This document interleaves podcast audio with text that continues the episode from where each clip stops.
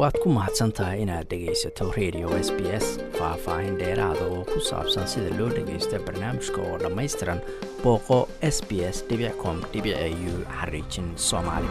Ma jiro qof ka magac dheer sir robert mensy marka laga hadlayo xisbiga liberaalka gudihiisa. Runtiina waa yaryihiin dad australiyaana oo ka caansan ama uga saamayn badan dalka ra'iisul wasaarihii hore ee liberaalka ahaa wuxuu ahaa aasaasihii xisbiga ra'iisul wasaarihii ugu waqti dheeraa australia waxaana mar kasta soo xigta ama tix raaca musharaxiinta liberaalka mar kasta oo uu jiray ololo doorasho.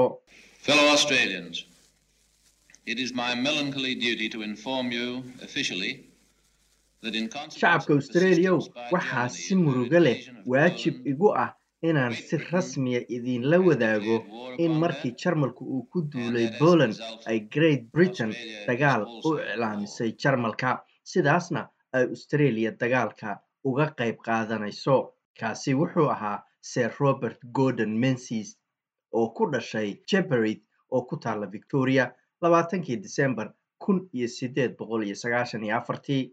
Wuxuu noqday ra'iisul wasaarihii australia ugu waqti dheeraa intuu xilka hayay isagoo laba jeer jagada ra'iisul wasaarenimada hayay intii u dhaxaysay kun iyo sagaal boqol soddon iyo sagaalkii ilaa afartan iyo kowgii markii labaadna qabtay kun iyo sagaal boqol afartan iyo sagaalkii ilaa kun iyo sagaal boqol lixdan iyo lixdii oo isku dar ahaan ah siddeed iyo toban sano iyo shan bilood. Muddo xileedkiisii ugu horreeyey ee ra'iisul wasaaraha ayaa bilowday kun iyo sagaal boqol iyo soddon iyo sagaalkii isagoo madax u ahaa xisbigii la dhihi jiray markaasi united australia party oo mar dambe baaba-ay.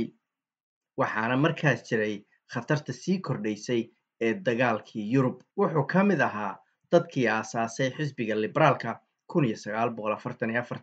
wuxuuna aad ugu doodi jiray sharcigii xakamaynta soo galootiga oo caadiyan loo yaqaanay white australia policy oo sida magaca ka muuqata ahaa sharci dadka caddaankaa oo keliya loogu oggolaa inay australia soo degaan.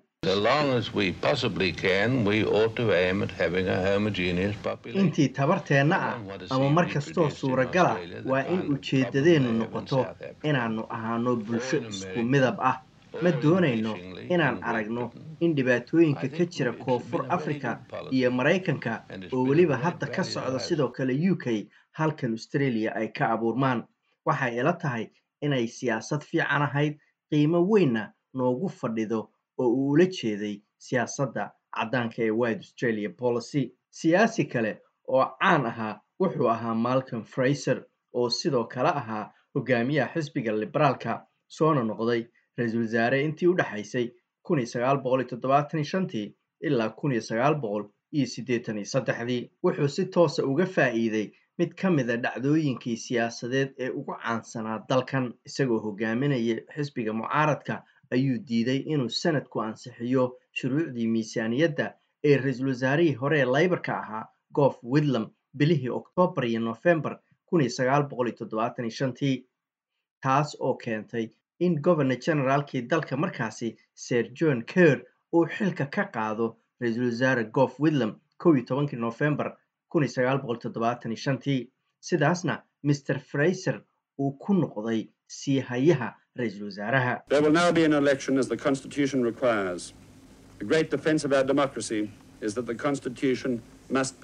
Sida dastuurku qorayo doorasho ayaa la qabanayaa difaaca ugu weyn ee dimuqraadiyadeennuna waa in dastuurka la xushmeeyo oo la raaco.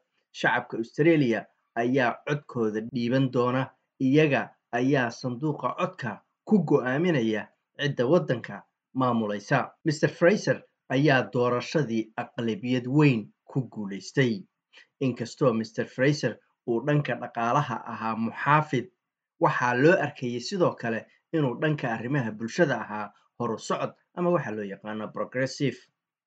Dowladdiisa ayaa sii waday oo sii ballaarisay isbeddello ay laybarku bilaabeen sida inay dhisto maxkamadda qoyska ama waxa family courtiga la yidhaahdo waxay kaloo aasaastay idaacadda s b s oo hadda aad nagala socotaan.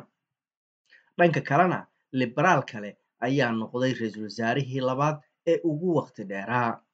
John howard oo ra'iisul wasaare soo noqday intii u dhaxaysay iyo ilaa labadii wuxuuna soo rogay xakamaynta hubka markii xasuuq uu ka dhacay port arter oo ku taala tasmania wuxuu sidoo kale baabi'iyey oo ka takhalusay guddigii aboriginaalka iyo torres straight islandarka wuxuu kaloo aasaasay xeryaha qaxootiga dibadda ee lagu hayo dadka qaxootiga iyo magangelyadoonka doomaha ku soo geli jiray dalkan australia.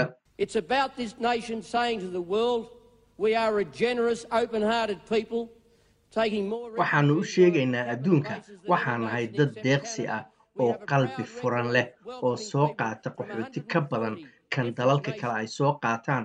marka loo fiiriyo tirada shacabka guud marka laga reebo canada waxaan leenahay taariikh fiican oo aanu ku soo dhoweynay dad badan oo ka kala yimid boqol iyo afartan dal oo adduunka oo dhana. Laakiin annagaa go'aaminayna cidda dalkan imanaysa iyo daruufaha ay ku imanayaan ayuu yidhi john howard. John howard ayaa sidoo kale australia geliyey dagaalkii maraykanku hogaaminayey oo lagu qaaday dalalka ciraaq iyo afghanistan kadib weerarkii argagixisada ee sebtembar 11 labadii kun iyo kowdii.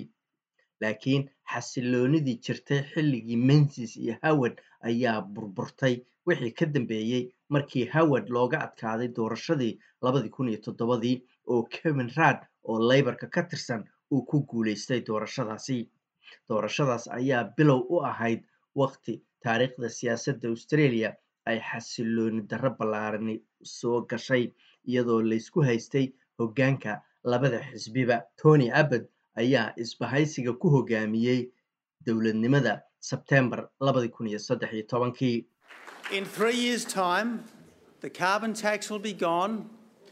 The bu- saddex sano gudahood canshuurihii kaarbanka waanu tuuraynaa doonyihina waanu joojinaynaa miisaaniyaddu waxay ku soo noqonaysaa mid dakhligu ka badan yahay qarashka. Roads of the 21st waxaan dhisaynaa ayuu yidhi waddooyinkii qarnigii labaatan iyo koowaad. Laakiin master abbott ayaa xilkii hoggaanka xisbiga iyo ra'iisul wasaarenimadii laga qaaday laakiin loogama qaadin doorasho caadiya oo shacabkoo dhan loo dhigay ee waxaa xisbiga gudihiisa ku qabsaday taladii kana qaaday sebtembar tobankii malcolm tumble oo sidaas ku noqday ra'iisul wasaare. Master tumble laftiisana waxaa laga qaaday hoggaanka xisbiga mar kale labadii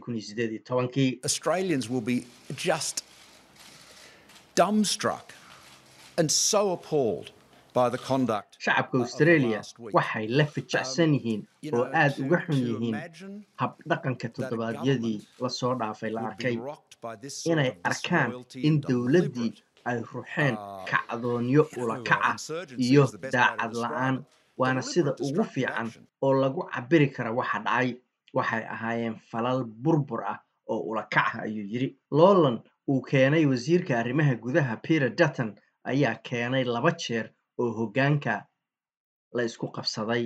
Mr tumble ayaa guulaystay loolankii ugu horreeyey oo uu peter dutton la galay laakiin loolankii labaad kama uu qaybgelin markaasna khasnaji scott morrison ayaa ka adkaaday mr dutton oo sidaas ku noqday ra'iisul wasaarihii saddexaad laba muddo xilood gudahood ama wuxuu ku noqday ra'iisul wasaarihii toddobaad laga soo bilaabo labadii kun iyo toddobadii If you have a go in this country, you'll get a go. There's a fair go.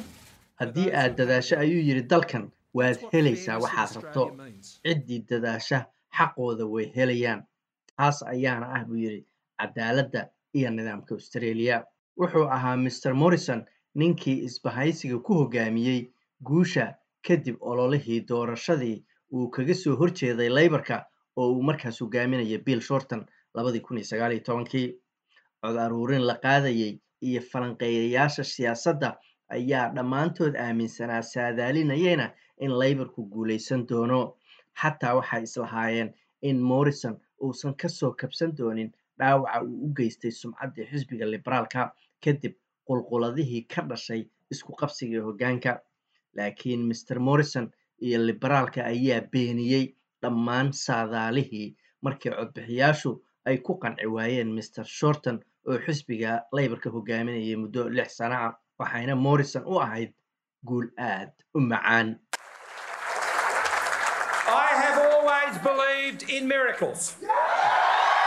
Weligay qadarta alle inay jirto ayaan aaminsanaa caawana qadar kale ayaa dhacday buu yidhi. Australiyana soo dal fiican ma aha ayuu yidhi wixii ka dambeeyey markii master morrison la doortayna xisbiga waxaa soo wajahay xiisado dhexdiisa ah oo la xiriirtay arrimo ay ka mid yihiin guurkii dadka isku jinsiga ahaa iyo isbeddelka cimilada.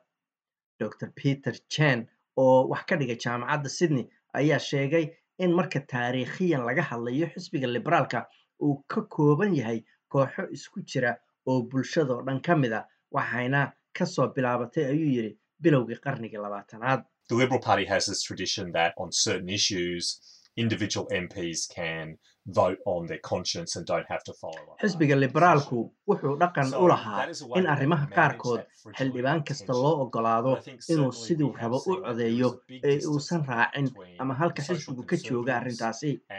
sidaas ayayna ku xallin jireen khilaafka iyo xiisadaha.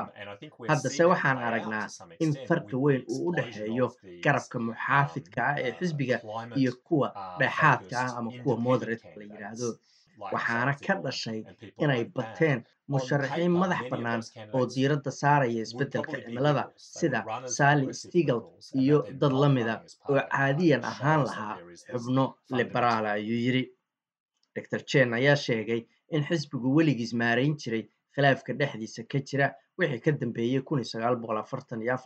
oo la aasaasay xisbiga. Inkastoona uusan u arag in khilaafkan hadda jira uu yahay midaan la xallin karin haddana wuxuu u baahan yahay ayuu yidhi in la maareeyo arrimo ay ka mid yihiin hoggaanka iyo midnimada xisbigu One of the, the things that's been getting a lot of coverage recently is obviously attacks on the um, the integrity. mid ka mid a waxyaalihii aadka looga hadlayay dhowaan. Dabcan waxay ahaayeen weerarka lagu hayay sumcadda magaca iyo dhaqanka ra'iisul wasaaraha. waxaan ku noolnahay ayuu yidhi waxa aan marar ku sheego nidaam madaxweyne oo kale. madaxweynena ma lihin. ra'iisul wasaare ayaan leenahay ra'iisul wasaaruhuna waa xubinta ugu muhiimsan nidaamkeena siyaasadeed marka weerarka hogaamiyaha lagu hayo wuxuu dhaawici karaa xisbiga guud ahaantiisa ayuu yidhi mr jen waad ku mahadsantahay inaad dhegaysato raadiyaha s b s toos u dhegaysa barnaamijka habeenada arbacada iyo jimcada tobanka fiidnimo. Ama kaga soo cesho website-ka iyaga iyo s b s radio app booqo s b s com au xariijin soomaali